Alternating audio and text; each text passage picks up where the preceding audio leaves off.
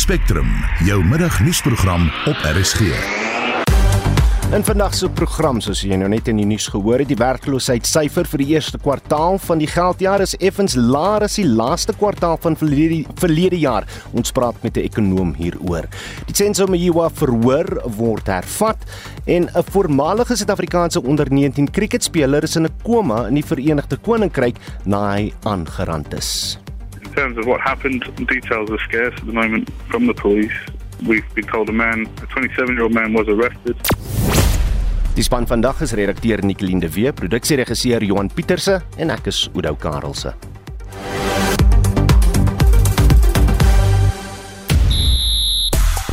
Ons kyk vanmiddag na van die jongste ranglyste en puntelere. Ek is Shaun Jooste en is later terug met meer inligting.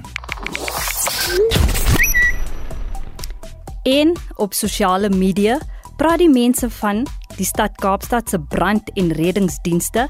Hy het 6 nuwe brandweerwaans ter waarde van 6,5 miljoen rand elk gekry en by die Noord-Gautengse Hooggeregshof in Pretoria is die hof in sitting met die moordverhoor van Senzo Mayiwa.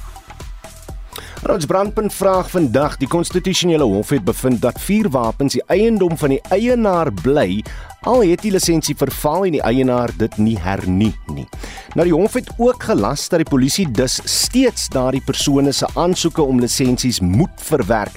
Dis uh, daar is jare lank al 'n toutrekkery tussen vuurwapeneienaars en die polisie wat skynbaar traag of onbevoeg is om lisensie aansoeke vinnig af te handel. Laat ons weet, wat is jou ervaring toe jy vir 'n lisensie moes aansoek doen of dit moes hernie? Stuur vir ons 'n boodskap by SMS na 45889. Dit kos jou R1.50 per SMS. Jy kan ook op ons Monitor en Spectrum Facebook bladsy saampraat, as ook op die Messenger toepassing vir ons 'n stemnota stuur. En die ander manier natuurlik om 'n stemnota te stuur is met WhatsApp na die nommer 076 536 6961. Byna 7 minute oor 12. Die kwartaallikse indiensnemingsopnames pas deur Statistieke Suid-Afrika uitgereik. Vir sy eerste indrukke praat ons nou met 'n ekonom van die Noordwes Universiteit, professor Waldo Kriel. Middag Waldo. Goeiemôre Oudo. Eerstens, wat was jou uh, eerste gewaarwordinge oor hierdie syfers? Ek dat ons 'n klein bietjie goeie nuus het. Uh die werkloosheidskoers het afgeneem van 35,3% na 34,5%. Uh, en die sektore waar dit toegeneem het was gemeenskaps- en sosiale dienste, vervaardiging en handel. En dan dis nie elke dag wat ons sulke goeie nuus kry nie. Die land is nog steeds in die moeilikheid wat dit werkloosheid uh, betref of hoe? Ja, nee, die werkloosheidskoers in die breë is nog steeds baie hoog. Van 'n arbeidsmag van hier by 22 miljoen mense het net meer as so 10 miljoen is voltyds in diens geneem. So dit is 'n baie hoë werkloosheidskoers en ek dink nie dit is volhoubaar nie. Jy het nou gepraat van die sektore wat uh, deur die die die nuwe neiging geïmpak is, maar maar wat omtrent hierdie syfers het vir jou 'n bietjie meer uitgestaan? Nou die interessante ding is uh, as mens nou dit bietjie uitmekaar trek, daar was 'n toename in mense wat nou formeel in diens geneem is van so 803000. Dis redelik baie. Maar dan was daar 'n afname in indiensname in die informele sektor in landbou en in huishoudings van so 352000. So daar's 'n netto wen van werksgeleenthede en die aantal mense wat werkloos is, het afgeneem met 679000. Nou saam met hierdie is daar dan nou ook die dinamiek dat die arbeidsmag deelname koers het effens toegeneem. Er is so minder mense wat vroeër geklassifiseer was as ontmoedigde werkers. Hmm is nou deel uh in uh, as as uh, hulle is nou eintlik deel van die arbeidsmag wat vroeër nie was nie, maar daar's meer mense wat nou geklassifiseer word as nie ekonomies aktief. Wat hierdie veranderinge dryf is die soort van goed waaroor ekonome wonder, maar mens sien dit nie net uit vandag se syfers nie. Hmm. Maar toe ons het nog gehoor uh, debatte oor hierdie data en hoe hy ingesamel word, uh, kan dit bevraagteken word? Dit is is dit heeltemal redelik bo verdenking? Ja, ek dink dit is. Um, die opname is kleiner in in die COVID inperkingstye het die die grootte van die opname kleiner geword. Maar niemand kon nog enige spesifieke suiwigheid daarin sien nie. Uh, so en ek dink die uitdaging is so groot soos wat die data sê uh, en dis ook die enigste data wat ons het so ons ons moet maar vasbyt met dit. Sê my hoekom dink jy neem dit so lank om die, die lankverwagte stygings in die brandstofprys bekend te maak? Net net 'n heel ander kwessie gou-gou. Uh, ek dink die die groot rede is is die, die besluit kan eintlik nie sonder gevolge gemaak word nie. Um, die vorige die 2 maande verligting van die brandstofheffing kon nou gefinansier word deur die verkoop van daai strategiese oliereserve. So dit het nie 'n impak op die begroting gehad nie. Maar as die as die minister van finansies nou iets wil doen om om daai verligting te verleng, gaan hy iewers iets anders moet opgee. Hy gaan of later minder moet bestee op iets of 'n ander belasting moet verhoog of meer geld moet gaan leen en ek dink daai afkope uh het nou gesprekke aan die gang wat maak dit nou nie 'n uh, vinnige antwoord is wat hulle vir ons kan gee nie. Waldo, dis nou een van die neigings tans in ons ekonomie gaan gaan dit vorentoe miskien nog werksverlies uh, uh bewerkstellig? Ongelukkig oor met hierdie stygende pryse beteken eintlik maar dat die verbruiker trek sy beld al hoe stywer in. Die die ou wat nou aan hom enigiets verkoop uh, van jou koffie tot jou kruideniersware en elke ander ding hy gaan ook nou minder besigheid doen. So ek dink met stygende brandstofkoste stygende inflasiekoers stygende rentekoerse dit gaan ongelukkig ons gaan dit in die werkloosheid sy versien uh, wanneer ons nou uiteindelik weer die tweede kwartaal se syfer kry dan ekonom van die Noordwes Universiteit professor Waldo Kriegel. Intussen kan die brandstofprysverhoging gevaar inhou vir voedselsekerheid en die voortbestaan van die plaaslike landbousektor. Ons praat nou hieroor met 'n landbouekonoom by FNB Suid-Afrika, Dawie Maree. Middag Dawie. Goeiemôre. Watter impak sal die stygings in die brandstofprys op landbou hê? Nou, as uh, normaalweg 'n duimreël is vir elke 10 sent stygings wat aan die brandstofprys is uh, of die dieselprys is, dan kos dit die landbousektor so om en by 100 miljoen rand meer per jaar. Ehm um, dit so so enige stygings het 'n geweldige impak op die op die landbousektor. Dit enerzijds aan die produsente kant, maar natuurlik ook indirek as gevolg van die vervoerkoste. En nou uh, weet ons is nou in die in die oesseisoen van ons somergrane, ons mielies en sojabone en sonneblomme. En ons weet dat 80% daarvan word per pad vervoer. Ehm um, so stygings in die brandstofpryse het, het 'n geweldige negatiewe impak op die landbousektor op hierdie stadium. Ja, ons het hierdie stygings gesien aankom. Uh, watter strategie is wat in plek vir die uitvoer van produkte van een provinsie na 'n ander?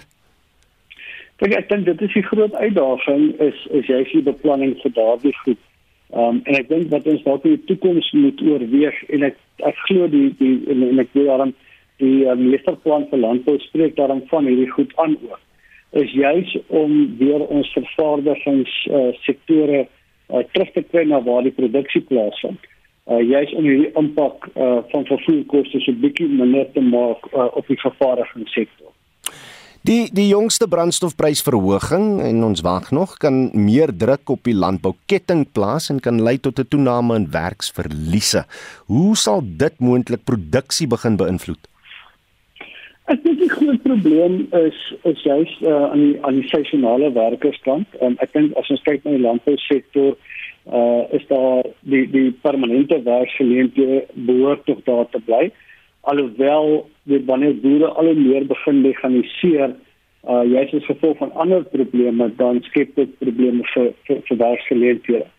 Um ek dink die groot probleem is eintlik meer die winsgewendheid van die landbousektor uh met met die stygings in insetkoste.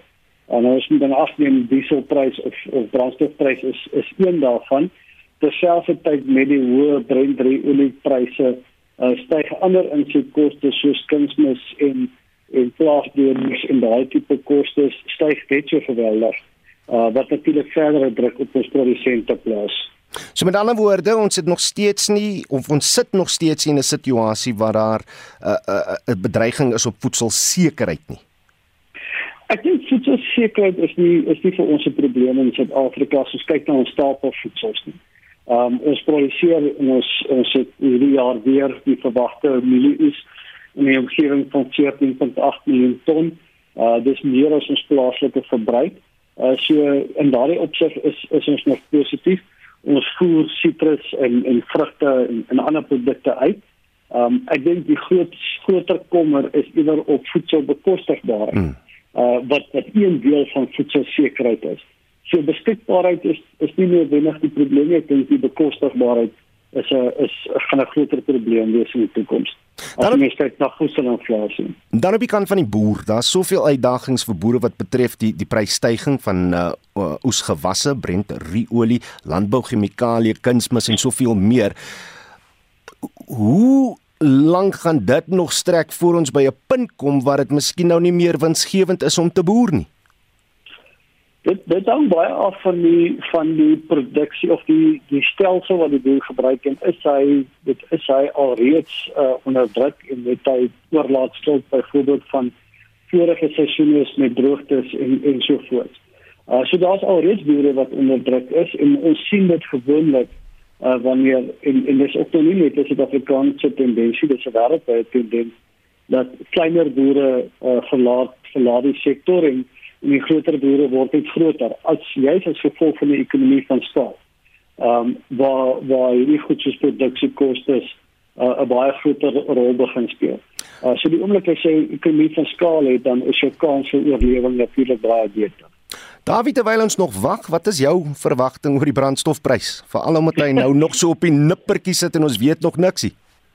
Ja, ek ek ehm um, dis 'n moeilike ene. Ek uh, weet ek ek het gelyk ook na ander ander mense wat gepraat het oor die 150 verligting. Ons almal hou duim vas daarvoor want dit is uh dit dit gaan 'n belangrike rol speel in die in die prys.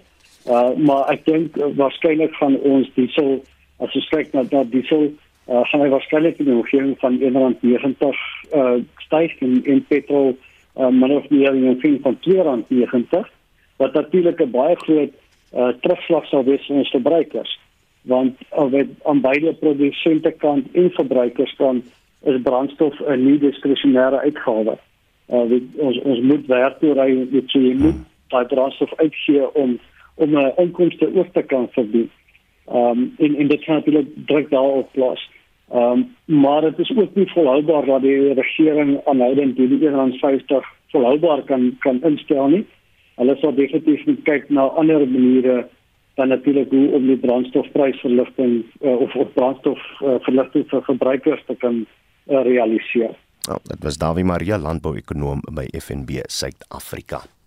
Kabeldiefstal neem toe en sekuriteitspersoneel wat Eskom se infrastruktuur bewaak vrees vir hulle lewens. So sê Eskom personeel na 'n onlangse voorval waar gewapende mans Eskom tegnisie in Soweto sowel as Mabopane in die noorde van Pretoria aangeval het. En die soort voorvalle neem glo daagliks toe. Eskom tegnisie word gewoonlik aangeval terwyl hulle transformators en straatligte in townships regmaak. In die onlangse gevalle in Soweto en Mabopane het skelms die tegnisie aangeval en hulle verhoed om hul werk te voltooi. Hulle het ook die Eskom personeel se persies en selfone gesteel. Volgens Eskom se woordvoerder in Gauteng, Amanda Knighty, is hulle bekommerd hieroor. In a separate incident in Mabupane, a technician was also robbed of a cell phone and money at a substation. Another technician was stabbed while he and his colleagues were installing meters in Nomzamo, Soweto.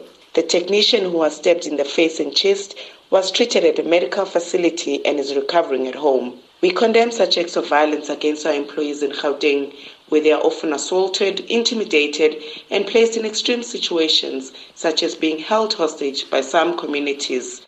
Inwoners het aan SAK nuus gesê hierdie tipe misdaad is onaanvaarbaar. Volgens hulle moet die metropolisie of privaat sekuriteitspersoneel Eskom tegnisie beskerm.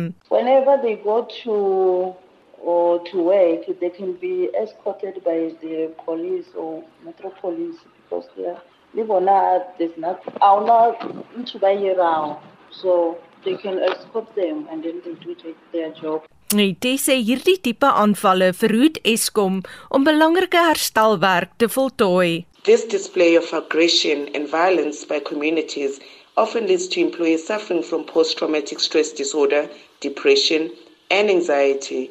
It also results in delays in repair work and project completion, further extending the period that the residents spend without electricity.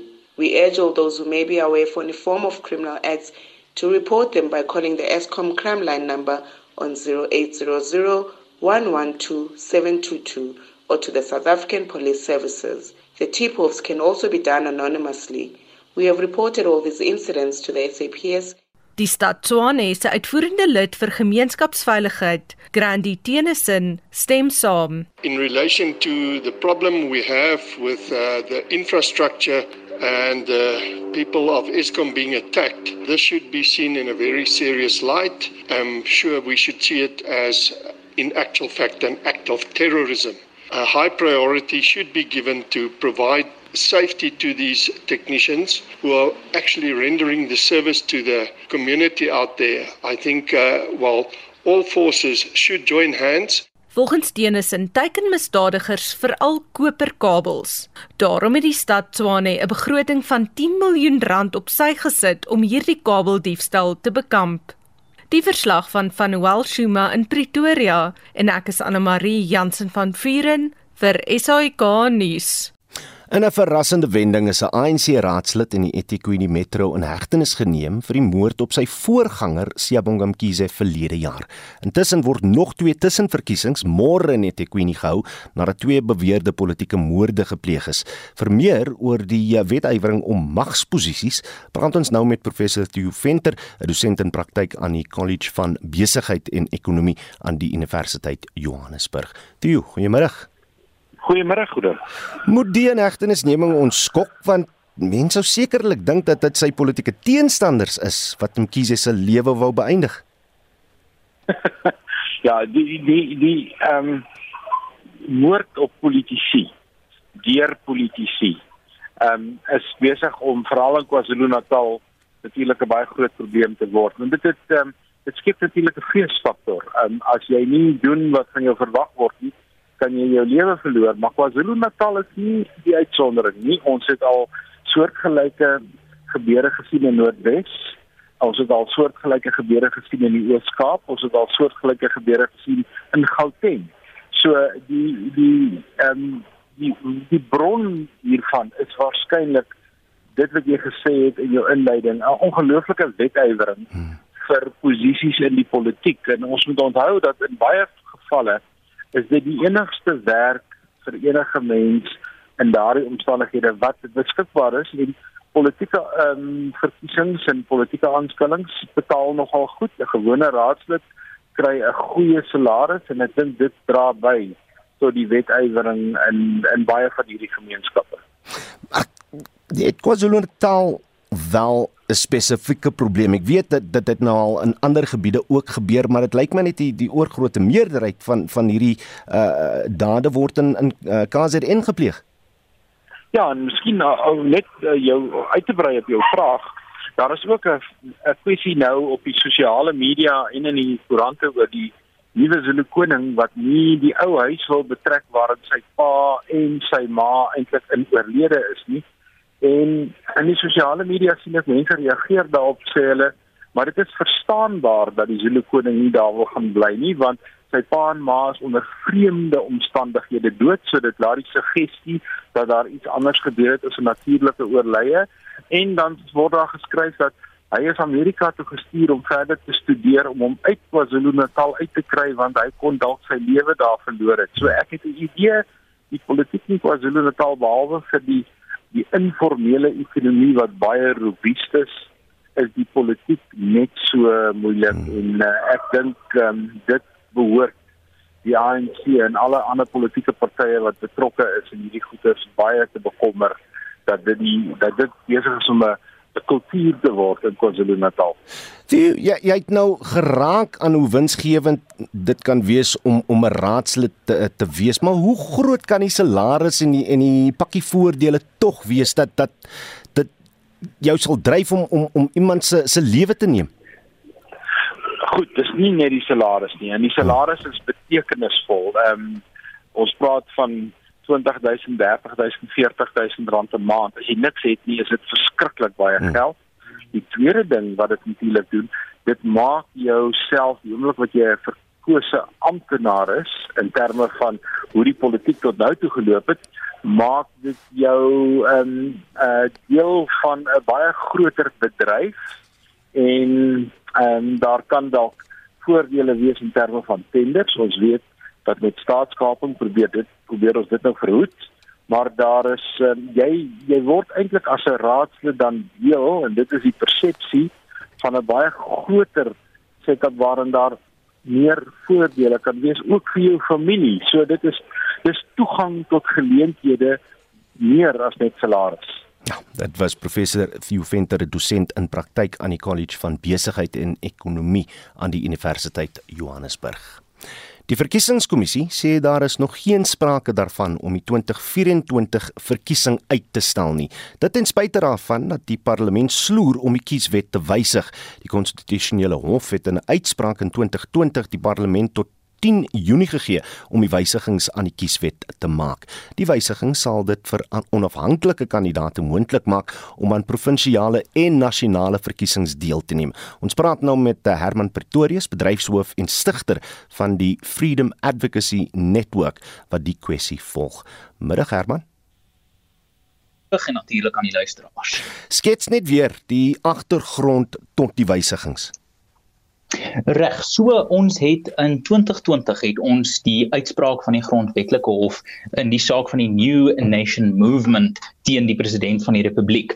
En uh die meerderheidsbeslissing met regte Vroneman wat 'n wat 'n 'n minderheidsbeslissing uh uitbring, maar die meerderheidsbeslissing bevind dat die huidige stand van sake ten opsigte van die kieswet dit ongrondwetlik maak omdat onafhanklike kandidaate nie regtig toegang het tot die nasionale parlementêre uh, posisie om hulle land te uh, uh, jy weet te, te help regeer en die insette te lewer nie en die hof um, sê dit is onversoenbaar uh, met die reg tot onder andere vryheid van assosiasie. So toe verklaar die hof in 2020, ek dink die uitspraak het uitgekom op die 11de Junie, so is amper uh tot die dag natuurlik van die van die van die uh uh, wat ons nou na kyk die die einddoel hierso.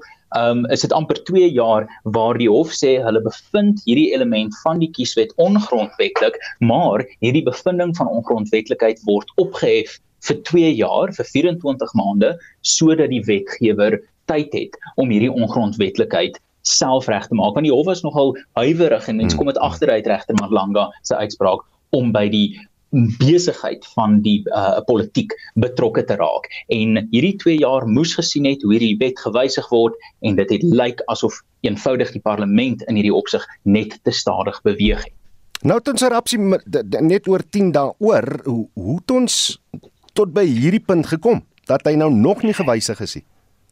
Dit is ek dink die multi uh, miljard rand se vraag hierso. Dit is regtig nogals 'n skokkende oorsig hierdie ANC. Mens mens wonder baie keer is dit is dit onvermoë of is dit kwaadwilligheid, maar hier dink ek dis moontlik 'n uh, gestewige dosis van onvermoë. Die opdrag om die wetgewing binne die uh, grondwet se se se riglyne te bring was baie hard en duidelik en daar was 24 maande tyd totdat in April die spreker van die nasionale vergadering die hof gevra het vir 'n 6 maande 'n uh, 'n uh, verlenging van die periode. Nou mense wonder of daai 6 maande enigsins belangrik gaan wees of nuttig gaan wees as hulle in 2 jaar nog nie kon doen wat hulle moes gedoen het nie. Maar dit lyk eenvoudig asof minister Motsoaledi en die uh, komitee in die parlement of die parlementêre komitee vir binnelandse sake eenvoudig net te stadig beweeg het. En mens lees hulle redes hier rondom en dit dra eenvoudig nie water nie. Hulle het gesê hulle moet met mense konsulteer en daar moes navorsing gedoen word, maar dit het enige iemand met 'n uh, enige insig tot hierdie kwessie hmm. geweet. So dit is regtig nogal skokkend en die parlement uh, dek homself nie hierin glorie nie. Herman, sê my gaan 'n groep soos julle nou weer terug hof toe. Watter ander opsies is daar om teen die 10de Junie hierdie wysiging op die kieswet of in die kieswet te, te kry? Weet jy dit is definitief iets waarna ons kyk en ons is bewus van uh van die respondente in die saak die New Nation Movement uh onder andere wat ook besig is om hulle regs eende as dit ware in 'n ry te kry om te begin kwak binne binnekort. Want hierdie is mense moet besef hoe belangrik hierdie kwessie is. Die geldigheid van die 2024 verkiesing is op die spel hierso. Met ander woorde die verkiesing wat 'n nuwe regering kan inbring waar die ANC vir die eerste keer onder 50% op nasionale vlak gaan kry dit is wat op die spel is hierso. En ons by die Freedom Advocacy Network ek het nou net uit 'n vergadering gestap met ons regspan sodat ons gereed is vir hierdie storie met 'n oplossing want die demokrasie en die grondwetlike demokrasie van Suid-Afrika kort beter behandeling as wat minister Motsoaledi ons gegee het. Wanneer laas het julle direk aan die deur gaan klop en sê minister Motsoaledi wat wat gaan aan? Weet jy die probleem is dat mens klop en uh, dis dis anders as wat mense aan die deur van die Here klop is. Daar kry mens verseker antwoord. By minister Motsoaledi is daar soms tyd voor dooi mans deur.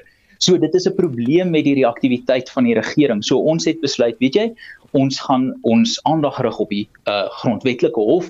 Hulle is die mense wat hier nou werklik aksie kan afdwing en dit is soms moeilik om met 'n minister wat nie sy eie wetgewing deur die parlement kan kry nie, korrespondensie aan te gaan oor hoekom hy dit nie gedoen het nie. As iets so belangrik soos 'n wet nie sy aandag kon geniet nie, raak dit al hoe moeiliker vir algemene Suid-Afrikaners om daai aandag te kry. Dit was Herman Pretorius bedryfshoof en stigter van die Freedom Advocacy Network.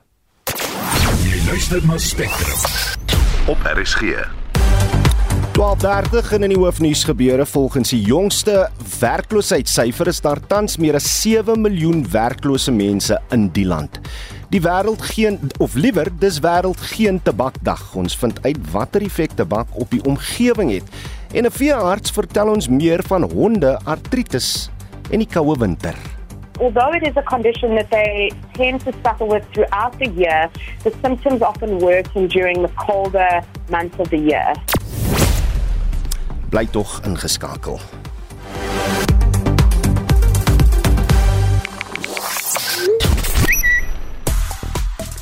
En op sosiale media bly die brandstofprysstygings steeds 'n warm patat en almal praat oor die veroordeelde voormalige polisiebeampte Rosemary Ndlovu. Sy sal weer na verwagting vandag in die Kempton Park Landdroshof verskyn.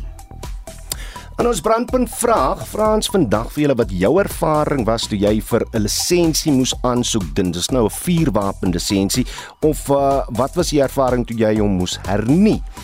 Wel, kom ons kyk na wat van ons luisteraars het gesê. Uh, wapens noem my net Lisa sê anoniem. Ek moes tot 10 uur die aand honger en koud buite wag vir 5 minute se vorms omdat my moeder gesterf en ek het vergeet het of vergeet het om uh, betyds vir my wapenlisensie hernuwing aansoek te doen. Die feit dat ek as uh, mediese dokter aan diens was daardie aand en dit genoem het, het tot gevolg gehad dat uh, in die publiek uitgeskel is en deur die bevelvoerder van die polisiestasie hoewel haar rang laer as my weermag rang was. SAPD sê Stoffel laat weet jou lisensie het verval. Hoekom nie maand voor vervaldatum? Dit gaan oor maand verval OK. Maar jy het tog die kans nog om jou uh, lisensie te gaan hernie al het hy verval. Dis wat uh, die wysiging in die wet nou is. Johnny en Vog wil sê ek het my lisensie 2 jaar terug hernie, wag nog steeds vir my kaartjie.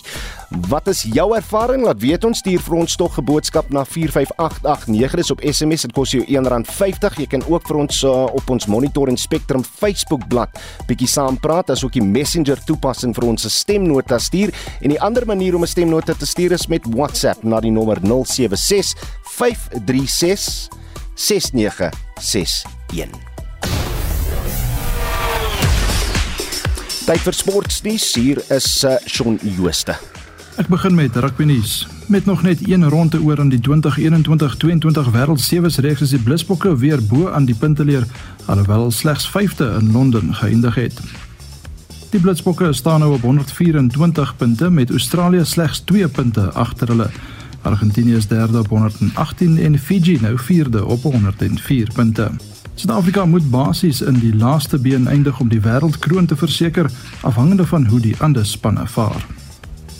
In die Karibiese reeks reik die Bulle hul voorsprong en staan op 47 punte. Die Cheetahs is steeds tweede op 41 punte met Griquas nou derde op 26 en die Haie vierde op 24 punte.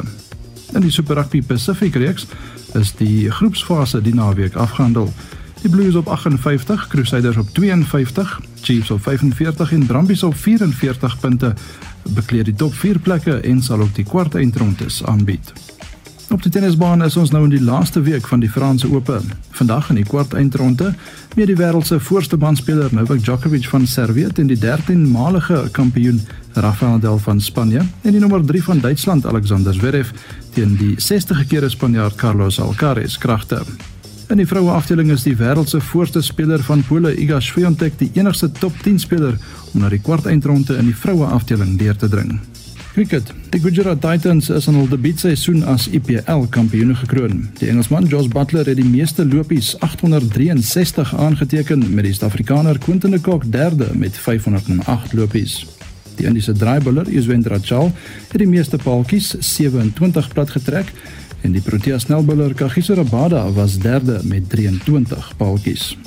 Na Sri Lanka se reeksoorwinning teen Bangladesh skuif hulle nou in die top 4 in op die ICR se 2021-23 toetskampioenskappe punteleer op 55 persentasiepunte. Australië, Suid-Afrika en Indië beklee steeds die top 3 plekke. Swemdies. Die men Nostrum reeks het oor die naweek in Kanada tot 'n einde gekom. Die Suid-Afrikaner Matthew Seitz het sy uitstekende vertoning voortgesit en eindig die reeks met 9 goue medaljes. Hy eindig ook algeheel derde onder die mansdeelnemers, terwyl Lara van die Kerk tweede onder die vroue swemmers geëindig het. Op die renbaan is die Red Bull renner Max Verstappen van Nederland die voorloper op die Formule 1 punteleer op 125 punte na 7 rondes. Die Ferrari-drywer Charles Leclerc van Monaco is tweede op 116 en Verstappen se spanmaat Sergio Perez van Mexico derde op 110 punte. Red Bull is ook die voorlopers onder die vervaardigers en het reeds 235 punte bymekaar gemaak. Ferrari is tweede op 199 en Mercedes derde op 134 punte. Na agterrondes in die MotoGP reeks bou die Fransman Fabio Quartararo sy nommer 1 posisie op 122 punte. Die Spanjaard Alex Espargaro het 114 en die Italiaaner Enea Bastianini 94 punte. Die Suid-Afrikaner Brad Binder is 7de op 65 en sy broer Darren 22ste op 6 punte. Op die sokkerveld is die DStv Premierliga eindelaas afgehandel. Mamelodi Sundowns is die kampioene op 65 punte. Cape Town City is tweede op 49 en Royal AM en Stellenbosch FC derde en vierde op 47 punte elk. Daar is geen verandering onder verlede week se top 3 mans golfspelers nie. Hulle is die Amerikaner Scottie Scheffler, die Spanjaard Jon Rahm en Cameron Smith van Australië. Suid-Afrika se Louis Oosthuizen val met 2 plekke na 20ste, Christian Besaidnout spring met 9 plekke na 62ste en Shaun Norris sak met 3 plekke terug na 69ste. Die top 3 vroue spelers bly ook onveranderd. Hulle is Jin Young Ko van Suid-Korea, Nelly Korda van die VSA en Lydia Ko van Nieu-Seeland. Suid-Afrika se Ashley Buy spring met 5 plekke en is nou 86ste. En dit was ons sportkorrespondent Shaun Jooste. Suid-Afrikaanse kriketspeler Monli Khumalo is tans in kritieke toestand in 'n hospitaal in Somerset in die Verenigde Koninkryk nadat hy in die vroeë oggendure Sondag aangerand is. Khumalo is 'n voormalige onder 19 nasionale spanspeler wat as die oorseese professioneel vir die klub Noord Petherton uitgedraf het. Hy en sy spanmaat het glo na 'n dag se spel by 'n plaaslike kroeg gaan kuier toe die voorval plaasgevind het.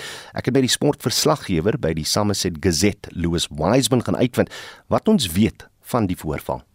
Initially, we were notified by the Avon and Somerset Police on Sunday, May 29, and we were notified in the early afternoon.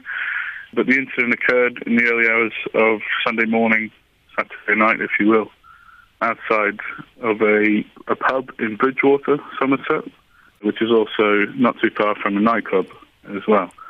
In terms of what happened, details are scarce at the moment from the police. We've been told a man, a 27 year old man, was arrested and has since been released under investigation. Noord-Petherton Cricket Club het uh, sover ook nie self verder uitgewy oor die insident of die inhegtenisneming van 'n verdagte nie. Well, North-Petherton uh, just this morning started a fundraiser for Mondley to try and raise money. Uh, but in terms of what happened, the club has just said Mondley's in hospital in a critical condition after being attacked, and he has had surgery and where to believe it's on his brain. So it seems like he was attacked on his head, if that makes sense. But in terms of that, details on the attack, like I said, they're very scarce. The club has just issued their support and, and asked people to keep Mondley in their prayers. Really. Kom ons bly by die storie en praat nou met die hoofuitvoerende beampte van cricket in KZN, Hendrik Strydom. Hendrik, goeiemôre. Goeiemôre Udo, dankie vir die geleentheid. Dis 'n tragiese storie. Wat is jou reaksie daarop? Ja, Udo, ek dink wanneer wanneer mense hierdie ehm um, berigte lees en en jy kry die nuus, ehm um, is dit ja, dit is 'n groot skok vir 'n ou se stelsel en en mens hierdie tipe insidente is dis dis bitterlik hartseer wanneer mense van dit hoor want dit is so onnodig. Vertel ons luisteraars net so 'n bietjie oor Mondley as kriketspeler. Ja, Mondley, ehm um, hy het in Umlazi in een van ons ehm um, uh townships net buite net ag naby Kingsmead basies groot geword. Hy was by Glenwood in die laerskool en dan toe is hy uh Maritzburg College toe um in Pietermaritzburg en dan het hy van daar af ook aanbeweeg en die laaste 2 jaar was hy deel van die KZN England um span. Um soos jy genoem het, hy was 'n S19 speler um en hy het ook gespeel in die Wêreldbeker wat hier in Suid-Afrika um gehuisves is. So ja, hy's 'n wonderlike wonderlike speler, wonderlike seun basies hmm. en en uh, hopelik kan hopelik kan hy ten volle herstel sodat hy kan aangaan met hierdie met hierdie loopbaan van hom. Ek weet julle het in verbinding getree met die familie. Wat kon julle toe verrig eh, deur of saam met hulle?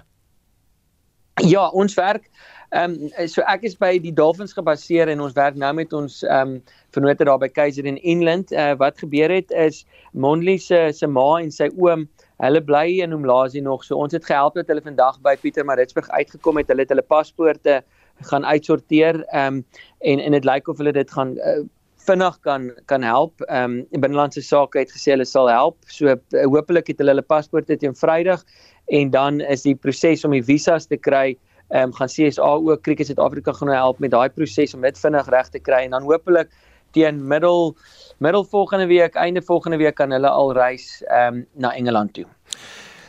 As as Unie of as 'n uh, uh, organisasie, as julle met met so iets uh, moet sit, is dit seker baie moeilik om nie net alles te doen nie. Hele wêreld is te te, te skuif om om my familie net daar by hulle seun uit te kry nie of hoe. Ja, ek dink dit is letterlik soos 'n familie familielid. So jy wil net seker maak dat in hierdie omstandighede maak saak wat nie stap 1 vir ons is nou net om die familie um, by Mondley uit te kry ehm um, sodat hy al die ondersteuning daar kan hê ehm um, en en ook van hulle kant af om om nader aan hom te wees deur hierdie moeilike tyd. So ja, ek dink 'n ou verrig wondere in 'n kort tydjie om seker te maak dat dit kan gebeur. Ek bly dat julle dit kon doen. Ons sal uh ja, opdatering kry oor hierdie storie. Dit was Heinrich Stryd om die hoofuitvoerende beampte van Cricket in KZN. Vandag is wêreld geen tabakdag en die tema is beskerm die omgewing. Maar hoe groot is die impak van tabak werklik op die omgewing? Ons praat nou met 'n dierkundige aan die Noordwes Universiteit professor Henk Bouman. Prof, middag. Uh, goeiemiddag, luisteraars. Wat is die potensiële skade wat tabak aan die omgewing aanrig? Dan nou gedeelte van die sigarette is natuurlik die stompies. Hmm. En daar kom al meer en meer data uit dat die stompies wat ook in die omgewing beland, uh redelike probleme kan veroorsaak. Kyk, die stompie is daar, uh of die filter is daar om die gevaarlike goed uit die tabak uit tabak ook uit te haal voordat dit in die longe inkom. En dit konsentreer met andere klomp van die toksiese stowwe uh in hierdie klein uh, volume volume. En die filter is gemaak van uh cellulose asetaat wat op self plastiek is. Dus jy kry nou dat plastiek besoedel word met ander toksiese stowwe. En is gewoon verbaas geweest om te sien dis nie net nikotien en teer nie, maar ook arsen, swaar metale, ammonia, formalin, lood, kadmium en paar duisend ander chemikalieë wat hulle reeds daar gekry het. En hierdie goed is toksies en dit begin uitdroog uh, in die omgewing. Ehm um, met 5.6 triljoen sigarette per jaar, dis Amerikaanse triljoen. Kan jy voorstel hoeveel van hierdie stompies word nou uh, beland in die omgewing, baie van dit beland in die omgewing. En uh dit is 'n redelike probleem in die op ons strande. Hey, het ons strenger wetgewing nodig om seker te maak dat rokers twee keer ding vir hulle net 'n stompie weggooi? Ehm um, daar's pas 'n studie uit Kaapstad en Durban wat gekyk het na hierdie stompies uh, wat land uh, in, uh, op die en uh, weet op die strande. Uh tydens uh COVID. Nou tydens COVID was natuurlik ehm um, uh, sigaretverkope verband geweest. Daar was geen afname geweest in die hoeveelheid stompies op die strande nie, maar daar was wel 'n derde ehm uh, afname geweest in al die ander soort van goed wat op die strande beland het. Dus ek weet nie of wetgewing enigstens 'n uh, impak gemaak nie. Uh wat interessant is is dat 33% van die items wat opgetel word op die strande is stompies. Uh met ander woorde dit wys op die geweldige impak wat dat het.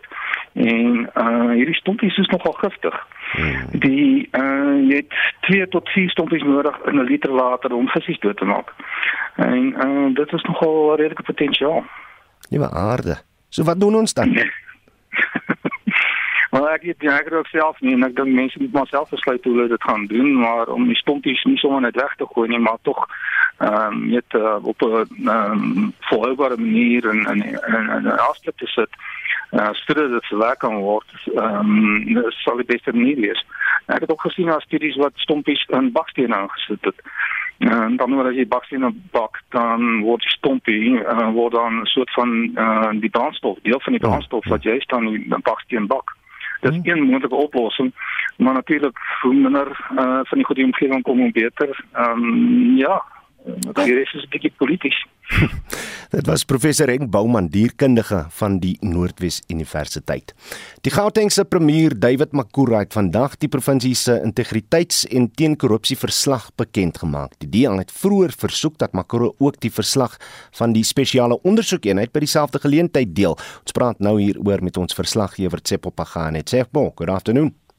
Yes, good afternoon. Did Makura adhere to the DA's request to release the SIU reports? And if not, did he give any reasons? Well, uh, I put that question to him, and his response was that he was not reacting to the DA. Actually, he's releasing these reports because he wants to make sure, but also to show to the the, the, the, residents of Gauteng that as the provincial government in Gauteng, they are serious about fighting crime. They are not paying lip service. And uh, yes, uh, a number of, um, uh, it's, it's one report, but it's based on the investigation by by, by various entities like um, the, the public protector, mm. the, the office of the, the, the, uh, the, the auditor general, uh, the the um, and, and, and other entities like your special investigations okay. unit. So so it's a it's a multi-pronged investigation, but this was put into one report. Yeah. Zeppo, you've perused the report. Uh, what stood out for you, but more specifically, will there be any political or criminal uh, criminal ramifications? work is being done uh, to, to, to tighten the, the, the gaps. Uh, I mean, for example, Makura made an example about the junior officials who are charged uh, with, uh, you know, the issuing of tenders. They are involved in supply chain management. You are saying that even though that they have 88 uh, percent compliance in terms of uh, some of them being vetted, but there are those who are still refusing to be vetted saying that this could indicate something. Um, was also saying that um, they uh, completed the vetting of all the MECs and that um, also the, the senior managers, that vetting process is, is, is going ahead. Also the, the lifestyle audits, they are being done, but there are those who are refusing. Um, he was indicating that, you know, this shows that there could be some who are um, reneging on, on, on, on playing part mm. because some of these are, are, government policies, but people are refusing uh, uh, to, to, to partake, and yet they are involved, for example, in the issuing of tenders. We'll have to leave it there. That was ons verslaggewer Tsepo Pagane. As dit se koud word, kla baie mense oor hulle seer gewrigte en die artritis wat erger word. Maar mense vergeet dat hulle beste vriend ook dalk aan artritis kan ly, maar niks kan sê nie. Dr Michelle Enslin, veearts van Bouringe Ingelheim Dieregesondheid, sê net soos die mens ontwikkel honde en katte ook artritis wat baie pyn en ongemak vir die diere veroorsaak. It's one of the most common conditions that we see in both dogs and cats. And although it is a condition that they tend to suffer with throughout the year, the symptoms often worsen during the colder months of the year. So that's why we tend to see them come up more frequently at the vet's office. Insulin sê dis baie moeilik om die simptome van artritis in diere te sien. Symptoms that you see in dogs are not necessarily the same symptoms in cats. No, they're not the same species at all, and as a result, they don't display symptoms in the same way or signs of illness in the same way. So with dogs, we would usually notice, you know, sometimes they battle to get up from a lying position, battling to jump up onto the bed or onto the couch if that's you know, if you like to have your animals on the bed or on the couch, then often you see those symptoms manifest. Exercise intolerance or a stiffened gait. And sometimes you can even see proper lameness in the back legs. It's just really sore for them to move and they tend to limp. With cats, it's almost completely different. They just become a bit more quiet, a bit more aloof. And if you are lucky enough to see it, they sometimes hesitate before they jump onto a counter. And that can very often be a sign of arthritis in cats. It's very subtle. En sy sê daar is maniere om dit vir jou diere gemakliker te maak. Osteoarthritis is not a curable condition, unfortunately, and it is also a degenerative one, so it does get worse over time. But we do have things in our arsenal and ways to manage it and slow the progression of the disease. So, one of the most important things is if you notice signs of arthritis or joint pain, the first thing to do is take your pet straight to the vet have the vet have a look, maybe x-rays will be taken, and then we will prescribe some anti-inflammatories or pain medication to make them more comfortable. And then from a home standpoint, soft bedding is very important. A good quality joint diet to help nourish and nourish those joints and keep them nice and healthy. All of those are really, really good options to try and manage the condition as best as possible. En dit was dokter Michelle Enslin, veearts van Bouringe Ingelheim Dieregesondheid. Kom ons sluit nou aan by Renier van Sail portefeuljebestuurder by Efficient Private Clients vir vanmiddag se sake nuus. Middag Renier.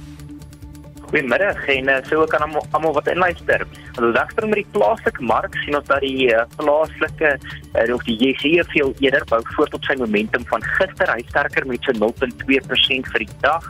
Die uh, hy word totaal hoër gedryf deur ons banke wat op is met 0.3% en ons hulpbronne aan die ander kant is laer met 0.3% vir die dag. Nou, as ons kyk na die grootste merkwaardige wenners vir die dag, is Tiger Brand op met 3.4% en Naspers is op met 2.5% net op die rug van uh, Tencent se resultaat vanoggend in uh, Hong Kong waar hy op was met 3.5%. Aan die ander kant van die muntstuk is Goldfields laer met meer as 13%. Ons het natuurlik gesien dat hy 'n Kanadese maatskappy met die naam Yamana Gold gekoop het vir 6.7 miljard dollar wat hom ook natuurlik dan die vierde grootste goudproduseerder in die wêreld gaan maak. En dan as ons kyk wat die rand gedoen het, van vanoggend se vlakke, het hy so klein bietjie verswak, staan op 15.60 teen die dollar. Die prys van goud is basies onveranderd op 1850 dollars per fyn ons. En ons sien dat die prys van Brent olie heelwat sterker is, by 123 dollars 83 per vatjie Brent. Die Amerikaanse markte het gisteraand in die groen gesluit, die meeste Europese markte verhandel op die oomblik in die rooi. Baie dankie, jy moet 'n baie lekker dag hê. En dit was Renier van Selportefeulje bestuurder by Efficient Private Clients.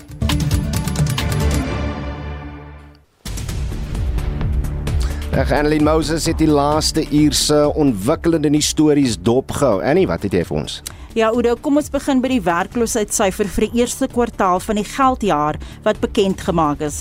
Dit is effens laer as die laaste kwartaal van verlede jaar. Die werk werkloosheidskoers staan op 34,5% teenoor 35,3% in die vorige kwartaal. Ons het 'n ekonoom van die Noordwes Universiteit, professor Waldo Kriegel, oor sy eerste indrukke gevra daar was 'n toename in mense wat nou jou in diens geneem is van so 803000. Dis redelik baie. Maar dan was daar 'n afname in indiensname in die informele sektor in landbou en in huishoudings van so 352000. So daar's 'n netto wen van werksgeleenthede en die aantal mense wat werkloos is, het afgeneem met 679000. Eskom se woordvoerder in Gauteng, Amanda Kriti, het haar kommer uitgespreek nadat personeel misdadige aanvalle moes trotseer. In a separate incident in Mabopane, a technician was also robbed of a cell phone and money at a substation. Another technician was stabbed while he and his colleagues were installing meters in Nomzamo, Soweto. The technician who was stabbed in the face and chest was treated at a medical facility and is recovering at home. We condemn such acts of violence against our employees in Gauteng, where they are often assaulted, intimidated, and placed in extreme situations, such as being held hostage by some communities. Dan is die opspraakwekkende Senzo Mjiwa moordverhoor vandag voortgesit. Vyf mans word aangekla van onder meer moord met voorbedagte rade nadat Mjiwa bykans 8 jaar gelede in Voslorus doodgeskiet is.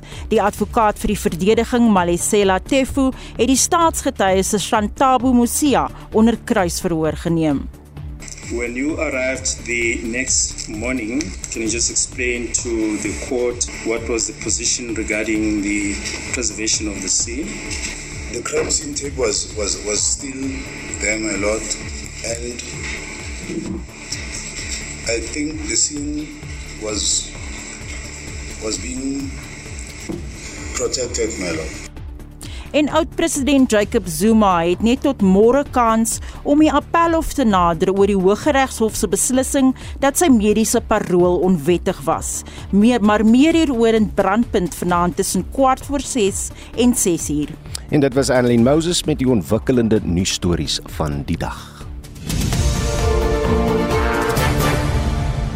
Dan om te skakel vir brandpunt soos Annelie nou gesê het om streeks kwart voor 6 vanmiddag dan groet ons namens ons uitvoerende regisseur Nicoline Wee ook vandag se redakteur. Die produksieregisseur vandag is Johan Pieterse en ek is Udo Karelse geniet jou middag in die geselskap van RSG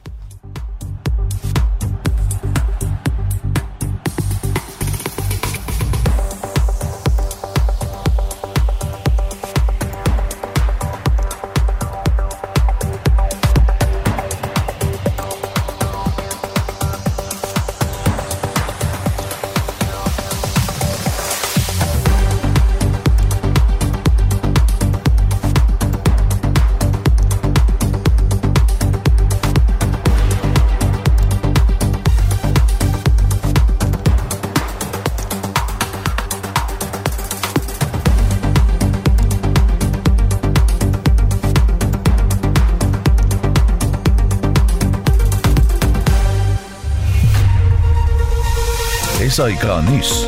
Onafhanklik, onpartydig.